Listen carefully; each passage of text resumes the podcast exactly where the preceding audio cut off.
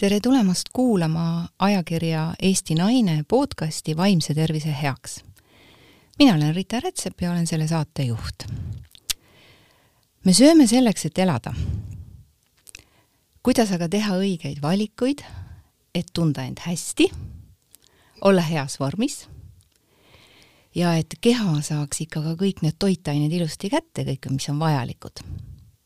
aga miks me mõnikord kipume üle sööma rohkem, kui meil eluks vajalik on. tänane teema on meil emotsionaalne söömine. ja ma olen kutsunud äh, stuudiosse Kendra Vaino. tere, Kendra! tere, Rita! sina oled äh, toitumisnõustaja äh,, terapeut sa oled treener, sa oled koolitaja.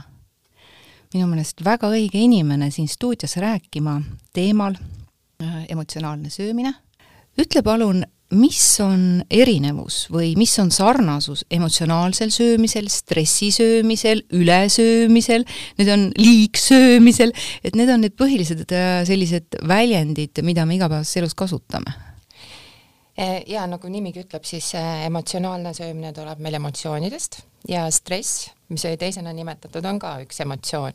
et äh, siia saab veel nimetada nagu üksinduse ja kurbuse ja pinge ja võib-olla ka ärevuse, närvilisuse, et, et tihtipeale me otsimegi sealt äh, nagu rohkem turvatunnet või siis armastust, mis neid äh, emotsioone leevendavad. Ja ülesöömine, siis seda saab vaadata rohkem nagu teadvustamata söömise kontekstis.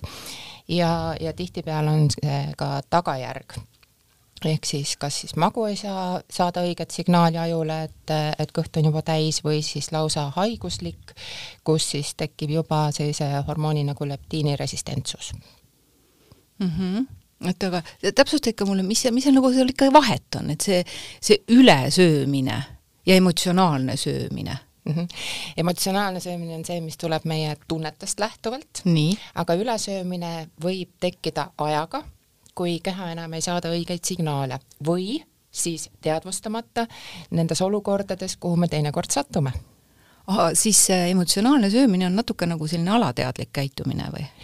Eh, ta on põhjustatud siiski meie tunnetest, jah. tunnetest aga rohkem. ütleme, et see ülesöömine teinekord äh, teatud situatsioonides, millest me hiljem nagu ka räägime, on ju, et, et toimub teinekord nagu teadvustamata automaatselt. lihtsalt lähen külmkapi juurde ja haaran, kõht ei ole tühi, aga muidu käin seda külmkapi vahet, jah? ja, ja, või siis näiteks Rootsi lauaefekt, eks ole, et no seal vist on juba see massipsühhoos natukene.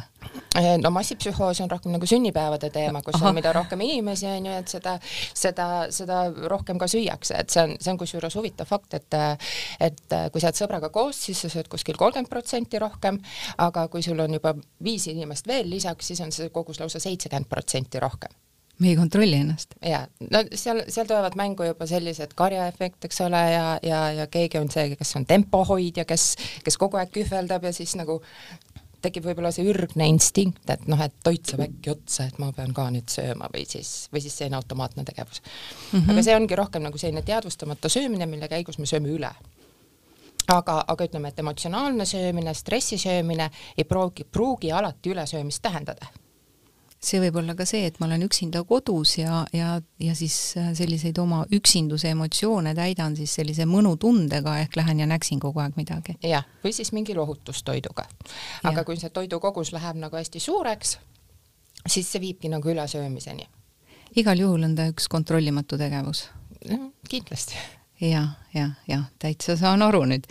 aga äh, kui me võtame seda, et siis näiteks äh, kui inimesel see kõnetab meie kuulajad praegu näiteks äh, juba, juba lugedes seda pealkirja või praegu siin, et ahah, oot-oot-oot, äkki mul on ka teema selle emotsionaalse söömisega, siis mis võiks olla need sellised märgid, mis viitavad sellele, et see ei ole tavapärane, igapäevane, normaalne toitumine, vaid siin võid olla juba sellised psühholoogilised ohud, et ma võin muutuda selliseks äh, emotsionaalseks sööjaks, kes rahustab oma meelt siis läbi toidu, mis võiksid olla need märgid, mida inimene võiks märgata, et, et ohoo, siin on natuke teine teema?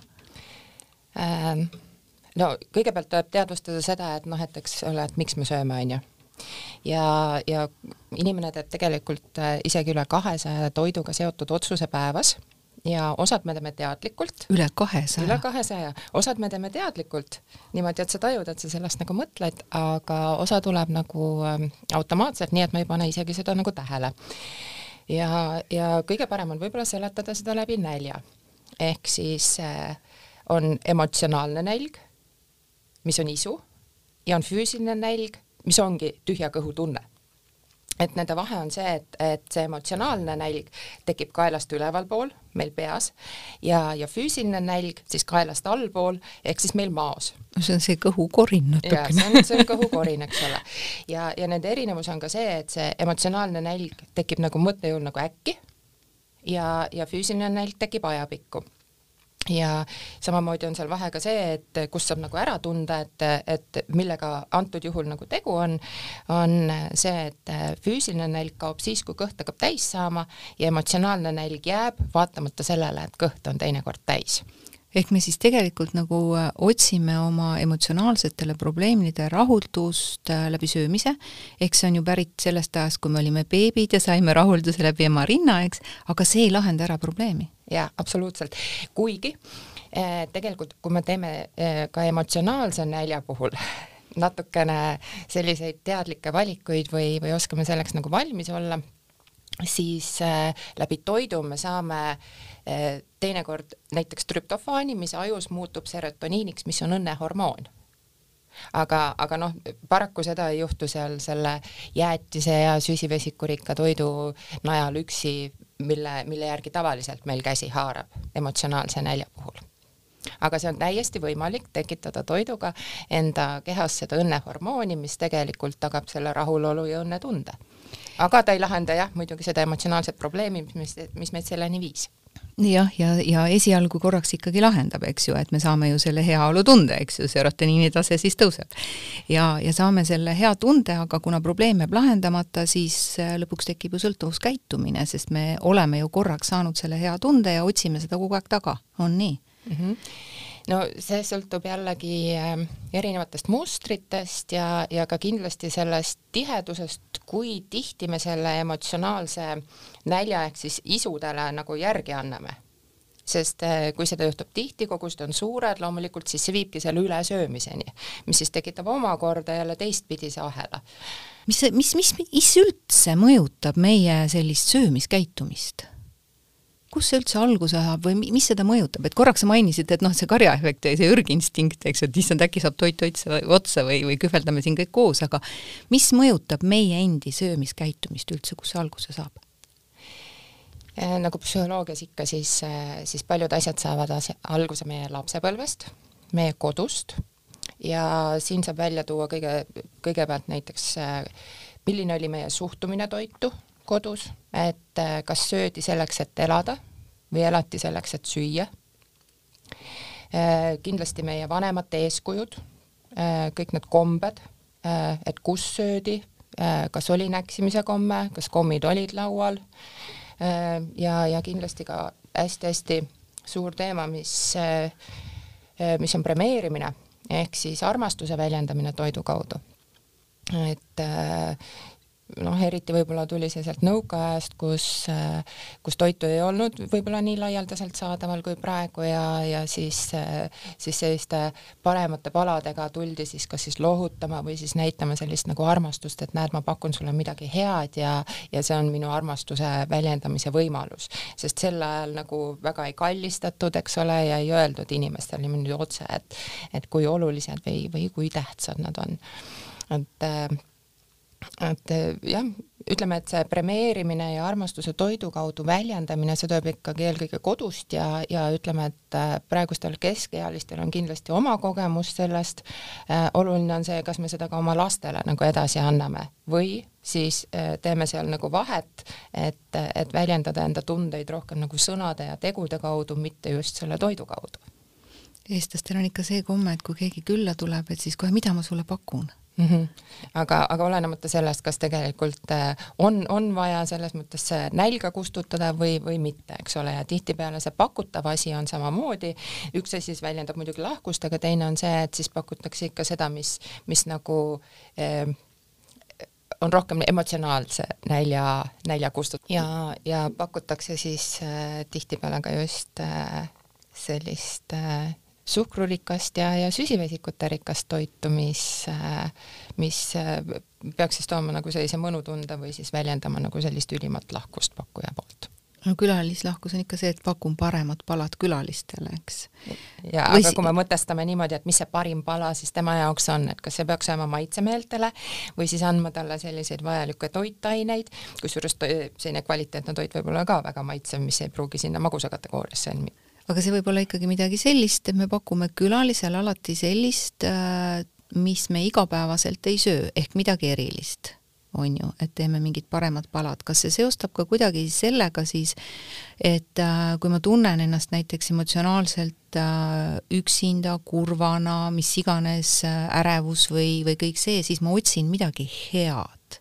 ehk midagi, ma ei otsi tavalist sööki, sest mul ei ole ju nälg, vaid ma otsingi emotsionaalselt siis midagi head, midagi paremat, et see tuleb ju ka siis meie sellisest äh, päritolu perekonna käitumisest, et kui sul on äh, midagi erilist olukorda, siis ma otsin midagi erilist toitu.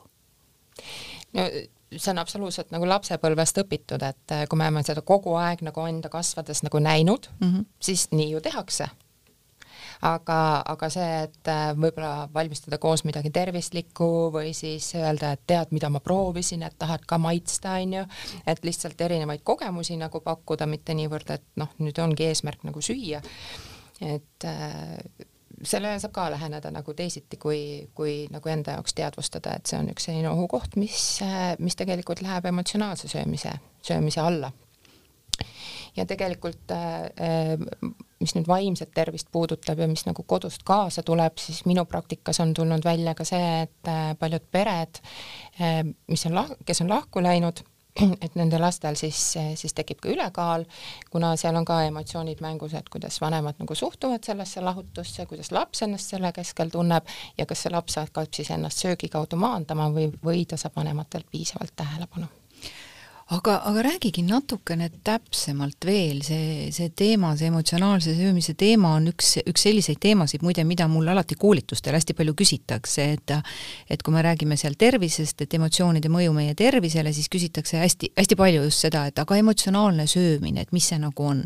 noh, mina siis alati vastan sellise psühhoanalüütilise seisukoha pealt, aga aga, aga räägi natuke täpsemalt, et et selline äh, isud versus olukorrad, äh, teadvustamata selline automaatne söömiskäitumine, see on ju emotsionaalne söömine. kas, kas sa räägiksid natuke seda veel lahti mm? -hmm. et äh, sellist võib-olla automaatset käitumist jah, saab võtta siis üks on emotsioonide baasil ja teine olukordade baasil, et et erinevad olukorrad äh, käivitavad meis teatud söömisstsenaariumid mis on äh, selline nii-öelda nagu teadvustamata söömise vorm, ehk siis äh, kui me tuleme näiteks töölt, siis esimene asi, lähed külmkapi juurde, tõmbad selle lahti. isegi kui sul võib-olla ei ole nälga. kui see on sulle sisse harjunud, kui sa oled seda kõrvalt näinud või, või, või kui sul on tekkinud selline harjumus. harjumuskäitumine. no mina mäletan oma teismelisi lapsi, minu arust külmkapi uks käis kogu aeg no vot, ja see on, see on selline teatud Pavlovi refleks, et kui ma uksest sisse astun, nii mul sinna külmkapi juurde minna on vaja, eks ole. või siis see koju tulek, see käivitab siis juba võib-olla süljenäärmed sul suus, eks ole. et kui seda nagu teadvustada, siis saab seda nagu mõistusega võtta ja, ja mitte esimese asjana sinna külmkapi juurde minna. ja, ja teine selline koht, selline nii-öelda siis ohukoht on võib-olla äh, autoroolis või siis arvuti taga tihtipeale autoroolis ju ka sõidetakse tanklast läbi ja võetakse midagi, midagi, mingeid suupisteid sinna kaasa. no eks nad ole kõik silma alla ka pandud, need asjad no,, et ikka märkaks mm. -hmm. ja, ja siis teine asi on arvuti taga söömine, aga sellel mõlemas olukorras on tegelikult meie fookus hoopis mujal, mitte söömisel endal ja nii me võime ka süüa nagu teadvustamata äh, selliseid asju, mida me pärast võib-olla isegi ei mäleta ja, ja on üks ütlus ka, et need, kes autoroolis söövad või arvuti taga, et need ei ole mitte ületöötajad, vaid need on teadlikud ülesööjad.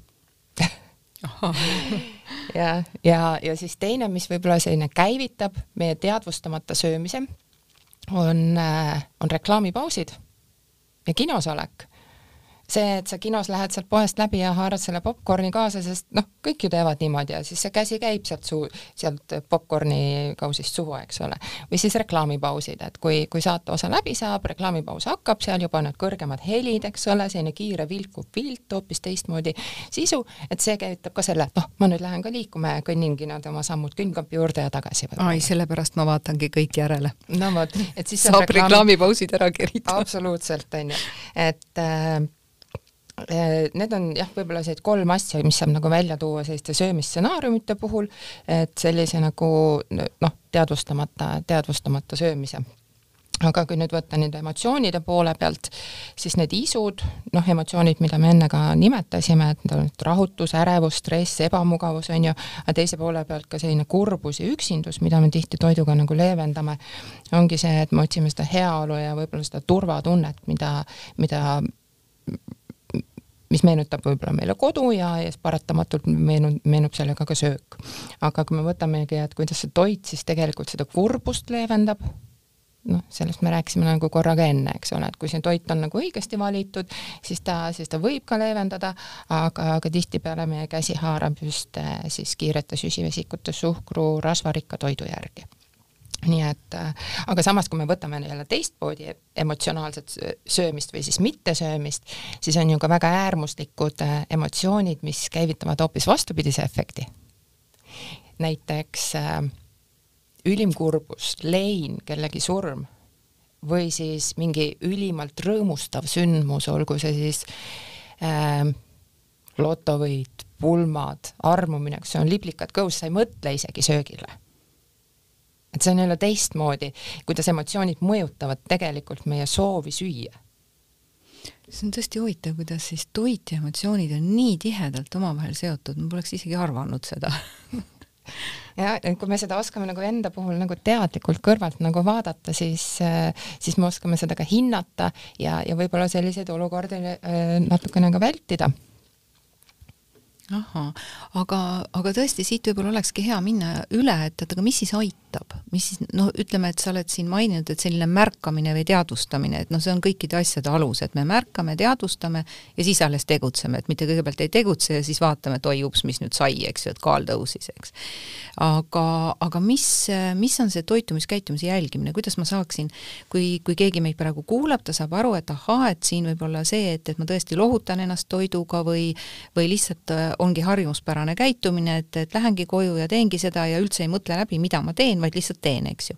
et mis siis, äh, mismoodi inimene saaks seda jälgida, mida märgata, mida tegema hakata? E, no see on juba esi, esimene samm on siis juba tehtud, kui sa tunnistad, et sul sellega probleem on Mm -hmm. ja, ja kui, kui sa tahad sellega tegeleda, siis, siis tulekski märgata enda puhul neid toiduga seotud otsuseid või neid mõtteid, mis pähe tulevad ja, ja käsitleda neid nagu teadlikult, et teha siis vahet, et kas tegu on füüsilise näljaga, ehk siis kas kõht reaalselt on nagu tühi, millest me enne rääkisime, või siis tegu on siis emotsionaalse näljaga või isuga. ja siis äh, mõtestada seda nagu lahti, et mi-, mida ma siis parajasti hetkel tunnen, et ma oma emotsionaalset nälga kustutada tahan, et et kas see on minu sisemine tunne või see on praegu olukord, kuhu ma näiteks nagu sattusin et, et ongi just oluline vahet teha seal, seal isul ja näljal. et äh, aga kuidas saab äh, inimene, kes võib-olla on väga emotsionaalses olukorras, võib-olla ma ei tea, peale lahkuminekut või tõesti mingi leinateema või töötuks jäämine või siis tänasel päeval kõik need äh, tööga seotud teemad, need kodukontorid ja kõik muud, et et äh, kuidas tavainimene kes selles situatsioonis on, ütleb, et aga ma ju tahan näiteks. või et mulle ju meeldib, et me leiame alati põhjendusi, kõigele me leiame põhjendusi äh,. rumal on see, kes ei oska seda ära põhjendada, eks. aga kuidas täiesti sellises igapäevases olukorras ma äh, märkaksin ja hakkaksin tegutsema, et, et jah, et märkan, teadvustan ja toimetan ja nii edasi, see on juba teadliku inimese käitumine, kes annab endale siis aru, et võib-olla minu ülekaal on tekitatud või tekkinud emotsionaalsest söömisest, et aga, aga just see päris algtasand, et mitte, mitte sinna nagu jõuda või, või, või kust kohast ta saaks selle nagu kliki enda jaoks ära teha, ilma et ta peaks seda süvaanalüüsi tegema, et mis on see esimene märk?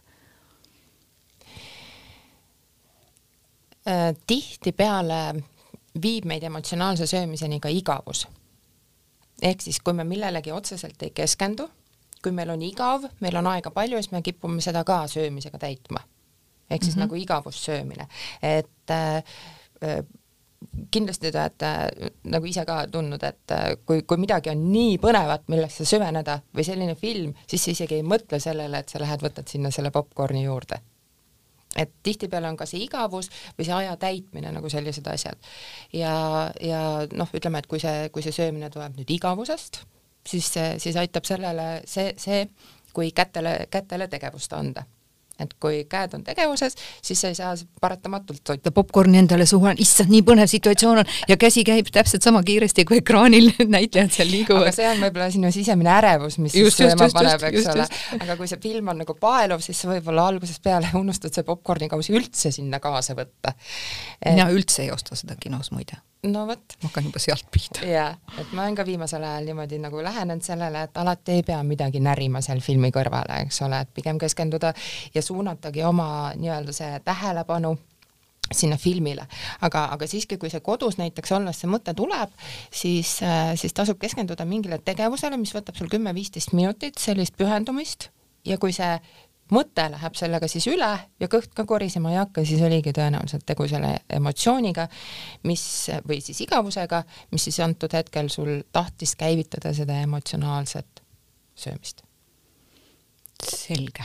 nii et igavus on, igavus on üks selline, selline väga-väga suur asi ja kui me võtame laiemas päevaplaanis juba, et kui see päev on sul selline tühi ja igav, siis leia endale hobi, millega tegeleda ja seda päeva täita.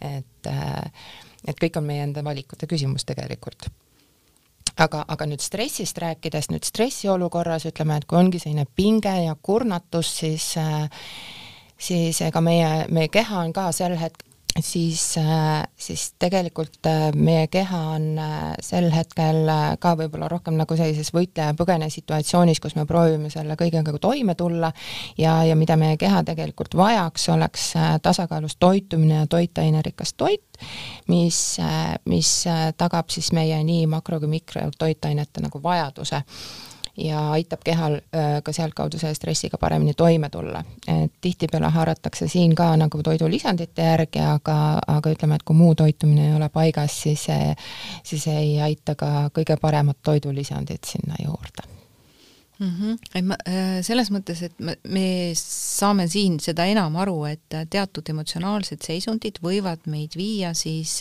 emotsionaalse söömiseni aga võtame, keerame teisipidi korraks, et kas on ka mingisugused sellised äh, toitained või toidud või söögid, mis iganes, mis tekitavad meis hoopis emotsioone?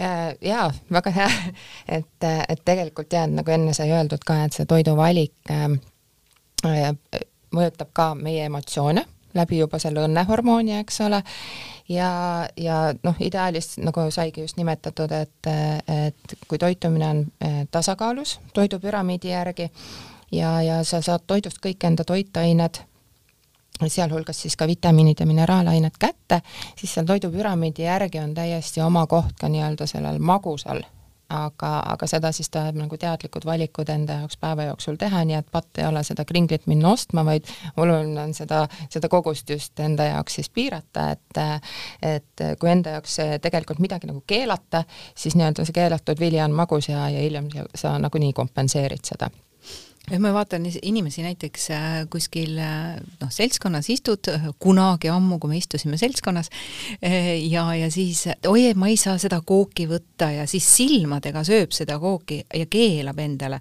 et, et minu meelest on see väga stressav et pigem, pigem ma luban endale selle koogitüki, kui ma tahan seda ja täpselt nii palju, kui ma seda tahan, ja ma pärast võib-olla siis liigutan rohkem või, või kulutan ära, minu arust Erki Nool on hästi öelnud, et et inimene peab sööma täpselt nii palju, kui ta ära kulutab ja, ja samas on, on see, et, et tõepoolest, et kui ma selle tükikese kooki olen söönud, ma olen saanud selle emotsiooni sealt kätte, eks ju, ma ei pea seda kõike suurt tükki ära sööma, võib-olla ma siis võtan sealt veerandi, eks ju, aga ma olen saanud oma isu nagu ära rahuldada ja ma ei ole ka stressis sellest, et oi, näed, kõik teised söövad ja mina ei saa seda endale lubada. et see on ka ju tegelikult emotsioonide teema täiesti ja söömine seotud ju. jaa, absoluutselt, sest tegelikult sealt koogitükist ongi kõige maitsvamad need esimesed kolm suutäit mis ongi tegelikult see normaalne määr, on ju, ja peale seda sa lihtsalt äh, sööd selle koogitüki lõpuni, sest nii on viisakas, eks ole. aga kõige, kõige rohkem maitseelamusi pakuvad sulle need esimesed suutäied. ja nagu sa ütlesid ka, et äh, et kui me ennast nagu piirame, siis me tekitame kehas juba negatiivset emotsiooni selle koogitüki osas. ja siis, kui me lõpuks selle koogitüki võtame, siis me hakkame ennast veel süüdistama, et me selle üldse võtsime, eks ole. et, et pigem võtta see koogitükk ja, ja nautidagi teadlikult neid, neid esimesi suutäisi ja vaadata, võib-olla sa tahad siis neljandat-viiendat ka, aga kui sa nagu teadlikult sööd, tunned nii, vaatad seda tekstuuri ja tunned ka seda nagu maitset nagu päriselt, siis sa nagu naudid ja, ja sa, sa nii-öelda rahuldad endast selle soovi ja siis sa saad edasi minna, aga, aga võib-olla see, kes seal sünnipäeval seda koogitükki ei võta, see mõtleb veel järgmine päev ka veel sellest koogitükist. Jah, ja mis saab tema vaimse tervisega siis? mulle meeldivad muide need suured koogid, sellepärast et need saab neljaks teha.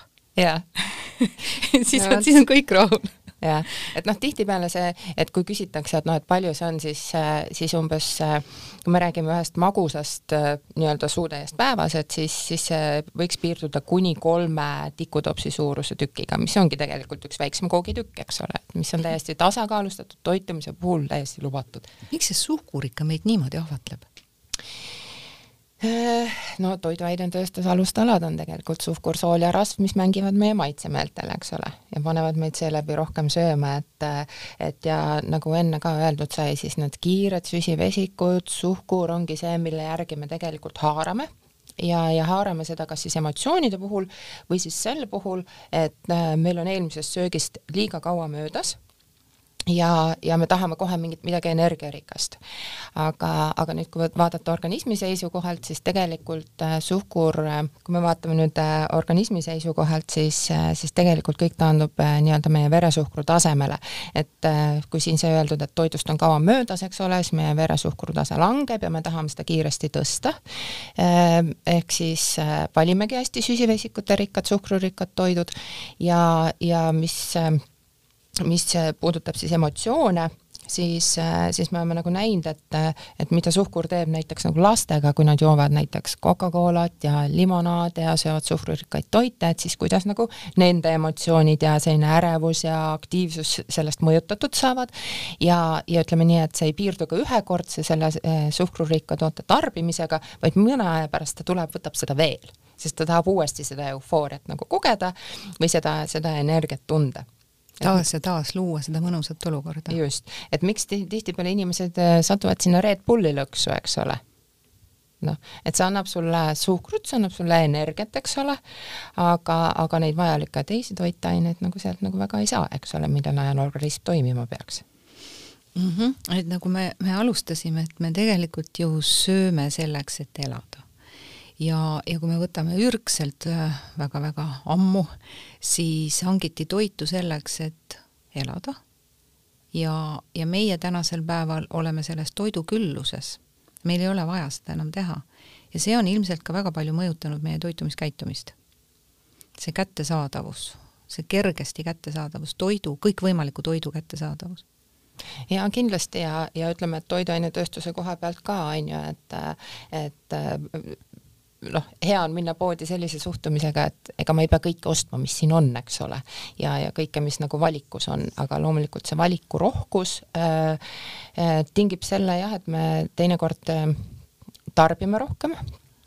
Ja, ja see valikurohkus äh, praeguses ajahetkes on ka see, et see toit ei ole võib-olla nii, nii puhas, nii kvaliteetne, et äh, et noh, oluline on osata teha enda jaoks just see parim, eks ole jah, eks me äh, teame ju ka seda, et poodi ei tohi minna tühja kõhuga, soovitav on minna, eks ju, poe nimekirjaga ja mitte, mitte rohkem äh, sinna toidukorvi panna, sest et inimene on emotsionaalne olevus ja, ja, ja igasugused äh, mõtted ju tekivad seal poeriiulite vahel mm. -hmm. aga mõnikord ma tõesti vaatan, vaatan üsna kurva tundega neid eespool olevaid näiteks kassa, kassalindi peale pandud tšipsipakke kümme-viisteist pakki, eks ju, seal pannakse äh, pannakse nädalavahetuseks äh, sinna ja, ja siis on seal kõrval need lapsed ja kõik, et see sõltuvuskäitumine, mis lapsel tekib ja see toitumise harjumine, et see on tohutult kurb tegelikult, et äh, me peaksime ikkagi teadvustama, mida me lastele sööd, söödame sisse ja mida me ise sööme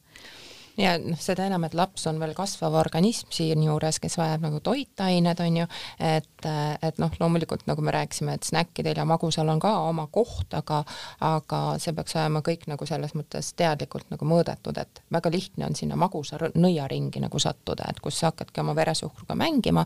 Ja, ja miks siis praegu on, et üks selline Äh, üks kahest äh, suurimast elu, eluviisi haigusest on teise tüübi diabeet, milleni see veresuhkruga mängimine lõppkokkuvõttes viib. et, et üks asi on see, mida suhkur teeb meie kehaga ja, ja teine asi on see, mida suhkur teeb meie emotsioonidega. vere, veresuhkur ja vaimne tervis on omavahel ikka väga-väga seotud. ja, ja, ja siis ongi, et äh, tihti meieni jõuavad äh, ka need patsiendid, kes siis, äh, kellel tuleb hakata seletama, õpetama veresuhkrut jälgivat toitumist, et stabiliseerida ka enda emotsioone. see on väga huvitav teema. Paari sõnaga räägi natuke lahti seda, mis asi see nüüd oli, siia saate lõppu paned sa sellise pärli meile. Ja et äh, süsivesikute rikkad toidud, mis on siis teraviljad, äh, puuviljad, äh, maal kasvavad juurviljad ja loomulikult siis suhkur äh, ning osad piimatooted ka mõjutavad meie veresuhkrutaset kõige rohkem. ja, ja kui neid, nende tarbimist päeva jooksul nagu jälgida kindlates kogustes ja, ja viia söömine teatud ajavahemike taha, tagant, siis, siis see nii-öelda toetab meie vaimset tervist, praktika on äh, näidanud ka, et äh, inimesed, kes on võib-olla emotsionaalselt natukene ebastabiilsemad või, äh, või emotsioonid kõiguvad seinast seina, siis seda veresuhkrut jälgivat toitumist järgides ütlevad nad ise ka pärast tagasisidena, et nad tunnevad ennast palju rahulikumalt, suudavad käsitleda igapäevaseid probleeme palju rohkem, ei ole selliseid maguseisusid ja ja suudavad ennast nagu paremini kontrollida ja kõige parem on see, et ka kaal selle tagajärjel langeb mm. -hmm. mitu head emotsiooni korraga. mida sa soovitaksid näiteks, ilma et, et inimene siis peaks äh, toitumisterapeudi juurde hakkama oma samme seadma, et mida ta saaks igapäevaselt ise kodus teha, et et siis sedasama veresuhkurt äh, siis sellisel kujul jälgida, et, et see ei läheks jamaks kätte? no selle kohta on äh Äh, ka üks hea näide, et äh, kus hommikusöök jäetakse söömata ja lõunaks süüakse ainult suppi ja õhtul küsitakse, et noh, kus see hobune nüüd on, mille ma võiks ära süüa, eks ole, et äh, sellest on ka moraal, et tegelikult õigem oleks jagada see söömine enda päeva peale ära, mis siis aitab hoida veresuhkru taset tasakaalus. mis on see optimaalne vahe? see, kui nüüd teadlikult jälgida niimoodi emotsioonide koha pealt, mis siis veresuhkru taset selle ühtlustamist äh, toetab, on, on see vahe kuskil kaks pool, kolm tundi. aga, aga see nõuab ka sellist suuremat planeerimist tegelikult ja, ja kui seda paar-kolm päeva juba praktiseerida, siis su kõht ise ütleb selle kahe poole, kolme tunni tagant, et nüüd, nüüd, nüüd mul on natukene nälg.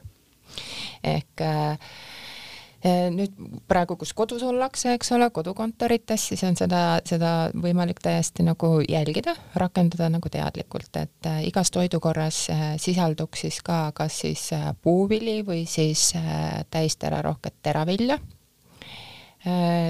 mis, mis aitab seda veresuhkrutaset tõsta ja, ja vältida selliseid kiiremaid süsivesikuid, mis on siis eelkõige siis magus ja kommid, eks ole, valgest jahust tooted mis tegelikult meile ka toitainete osas midagi juurde ei anna, et äh, kõik taandubki nagu tasakaalus toitumisele. aga ma arvan, et mida inimene ise saab ka eelkõige rakendada, ongi võib-olla see, et kahe poole kolme tunni tagant süüa natuke siis äh, süsivesikuid ja, ja, ja sinna juurde ka valku.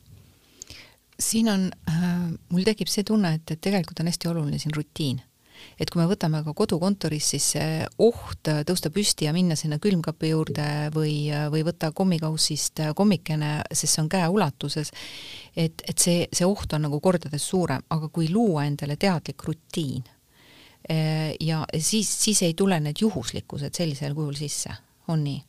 Mm,. seda ka ja muidugi aitab, kui see kommikauss nagu eemale äh,, eemale ära panna, eks ole. üldse tegelikult ei oleks mõttekas mm -hmm. seda poest osta, et ma mõtlen sedasama, äh, seda alles hiljuti nähtud äh, tšipsihunnikut seal ka, selle lindi peal Prisma poes, äh, mida, mida eel, ees olev inimene siis oma perele ostis, siis ma mõtlesin, et kui ta neid ei ostaks, kui ta neid juba koju ei viiks siis oleks juba ka väga hästi. et meil, me saame juba poes tegelikult panna paika selle, mida me koju viime mm. -hmm, absoluutselt ja, ja teine asi on ka see, et noh, et need olid kindlasti suured chipsipakid. ja, ja ikka need ja need kõige suuremad. kui sul, kui sul siiski nagu tahtmine seda, seda proovida on näiteks võib-olla aastas korra, võib-olla natukene tihedamini, et ega seda maitset ei saa nagu endale ju keelata, me jõudsime selle torditüki juurde tagasi, eks. et äh, siis, siis ongi nagu see nii-öelda see portsjon mille me endale nagu ostame, mis on nagu olemas, eks ole, et kui see on väike pakk, siis sa sööd selle väikse paki ära, eks ole, aga kui see on suur pakk, siis see enne ei lõpeta, kui see otsas on nii ongi, seal on ju see sõltuvust tekitavad ained ju täiesti no, sees, eks ju. aga kui see pakk on nagu väike, siis sa nagu vaatad, et on, ongi nagu otsas ja, ja ongi nagu kõik. me jõuame jälle ikka sellise teadliku käitumiseni, et me, me hakkame juba seda äh, toitu ostes peame läbi mõtlema, mida me sinna koju ostame, ehk siis mõistlikum oleks võib-olla alustada isegi nimekirjast ja mitte sellest nimekirjast kõrvale kalduda, et võtta võib-olla mingi retsept ette ja vaatad sealt koostisained või et ah, ma tahan täna seda suppi või seda praadi teha ja, ja mitte minna sinna riiulite vahele, et ah, ma vaatan, mis ma täna toon või mis ma täna viin, eks ju. et võib-olla sellest juba alustada. see taandubki sinna välja, et, et milleks me toitu ostame, milleks me üldse sööme et kustutada enda nälga, eks ole, lähtuda sellest, et see toit oleks võimalikult toitainerikas, siis ei teki meil tõenäoliselt ka emotsionaalseid selliseid kõikumisi, mis tekitaksid neid isusid ja mis võib-olla panekski sinna äh, džipsi ja küpsiste vahesse meid oma samme seadma mm. -hmm. ja, ja vahetevahel võime premeerida ennast, lihtsalt teadlikult premeerida, et täna ma sain millegi erilisega hakkama ja ma lähen ostan endale ühe hea tumeda šokolaadi ja siis ma naudin seda täiesti süümepiinadeta tumedast šokolaadist see, see oli, see oli praegu väga hea näide, et äh, äh, mis meid paneb tegelikult šokolaadi järgi haarama? oled sa kunagi mõelnud seda? mulle maitseb miks ta maitseb, see on suhku, see on suhkur, see on rasv. ta on mõrkjas minu jaoks, eriti see mhm. üheksakümmend protsenti, oi see on väga hea, aga see nüüd räägib enda eest ka natukene seda, et kuna eh,, kuna šokolaadi tehakse kakaopadest, see üheksakümmend protsenti, seda enam veel eh,, seal on see kakao kontsentratsioon on ju väga suur, et see võib teinekord, šokolaadinälg võib sul tulla ka magneesiumi puudusest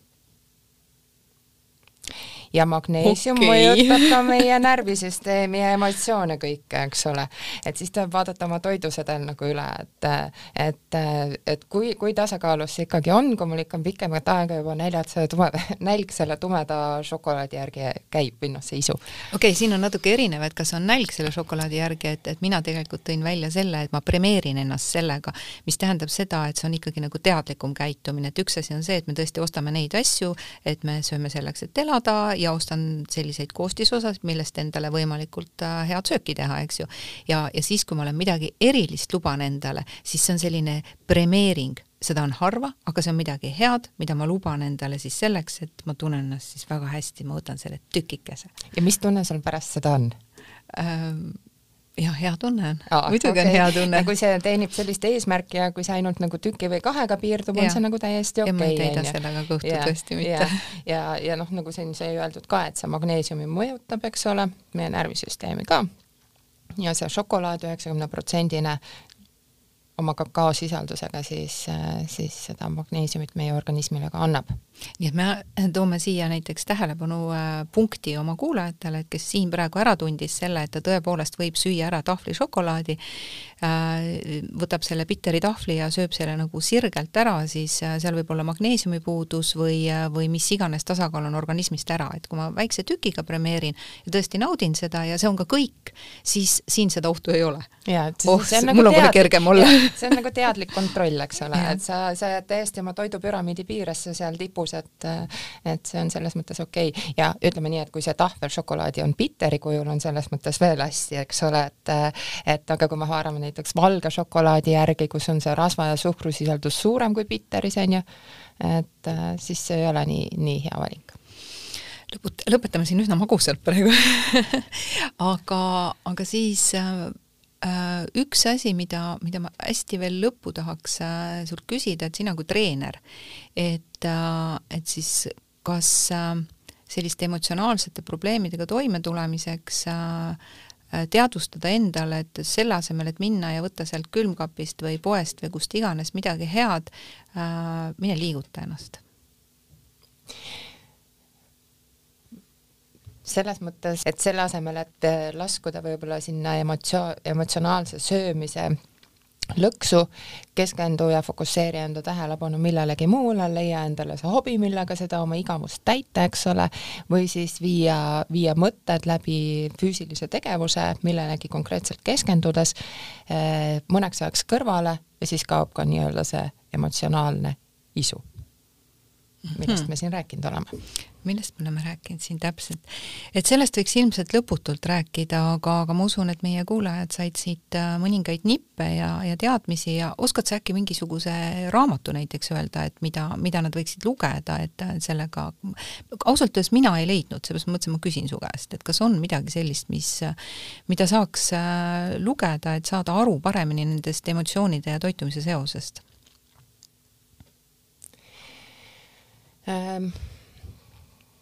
nüüd eesti keeles ma ei oskagi nii täpselt nagu välja tuua, küll aga leiab inglise keeles sellekohast kirjandust äh, päris ohtralt äh,, kuidas meie, meie söömis- ja joomiskäitumine psühholoogiliselt nagu põhjendatud on, et juhul, kui kuulaja nüüd sellise raamatuga leiab, siis on oluline ka kindlasti vaadata, et kui teaduspõhine lähenemine sellele asjale on, et äh, see toitumispsühholoogia valdkond koosnebki tegelikult ühe külje pealt toitumisest, teine, teine teine pool on see psühholoogia, mis meid selliseid toiduvalikuid ja asju tegema paneb, et, et seal on see koht, kus veel teadus väga palju areneb, nii et, et mina soovitan rohkem mitte sellise juturaamatu siis endale öökapile muretseda, aga pigem rohkem nagu teaduspõhise kirjanduse ja hakata iseennast tegelikult kuulama, saada rohkem kontakti iseendaga, et kus ma annan oma isudele järgi ja kus ma neid tegelikult kontrollin, ehk võtan vastutuse iseenda elu eest. absoluutselt.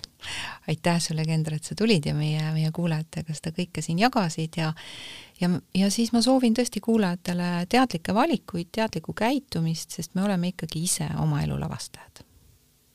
thank you